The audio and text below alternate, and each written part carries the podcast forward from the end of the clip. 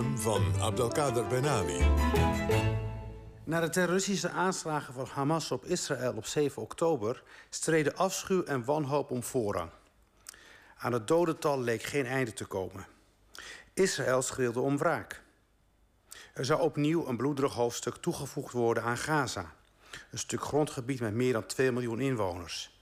2 miljoen? Ondertussen alweer een half miljoen meer dan toen ik het bezocht in 2009, vlak na die andere oorlog.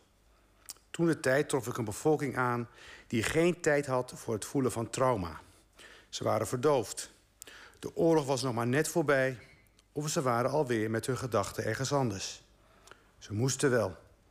Overal waar ik kwam hoorde ik maar één ding. De deur moest open.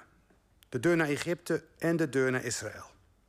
Economische mobiliteit was in, in hun ogen de beste waarborg voor menselijke waardigheid. De inwoners gingen te midden van de puinhopen, puinhopen over tot de orde van de dag. Door aan morgen te denken maak je de gevangenis onzichtbaar. We waren Gaza vergeten. We waren het conflict vergeten. Hoe kon het nou gebeuren? Zoals het gaat, maar raakt afgeleid.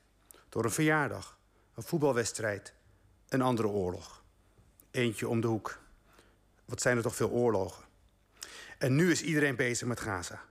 Iedereen wil vrede in het Midden-Oosten. We raken er niet over uitgepraat. In Amsterdam bezocht ik de residentie van de burgemeester.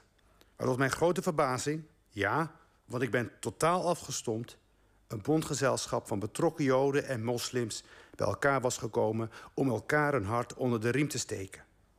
Mensen die geen tijd hadden voor cynisme. Wij zullen niet in staat zijn om het conflict buiten de deur te houden, zei een spreker.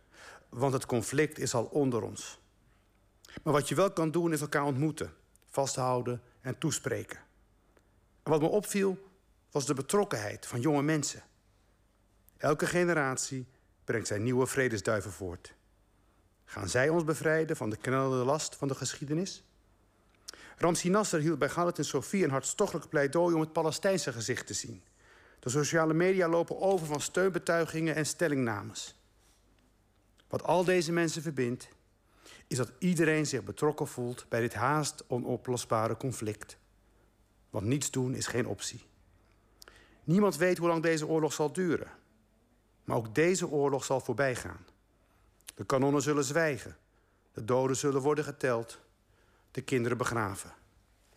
Maar laat ons dan terugdenken aan de energie die deze dagen loskwam om te redden wat er te redden valt. Dagen vol betrokkenheid, dagen vol zichtbaarheid.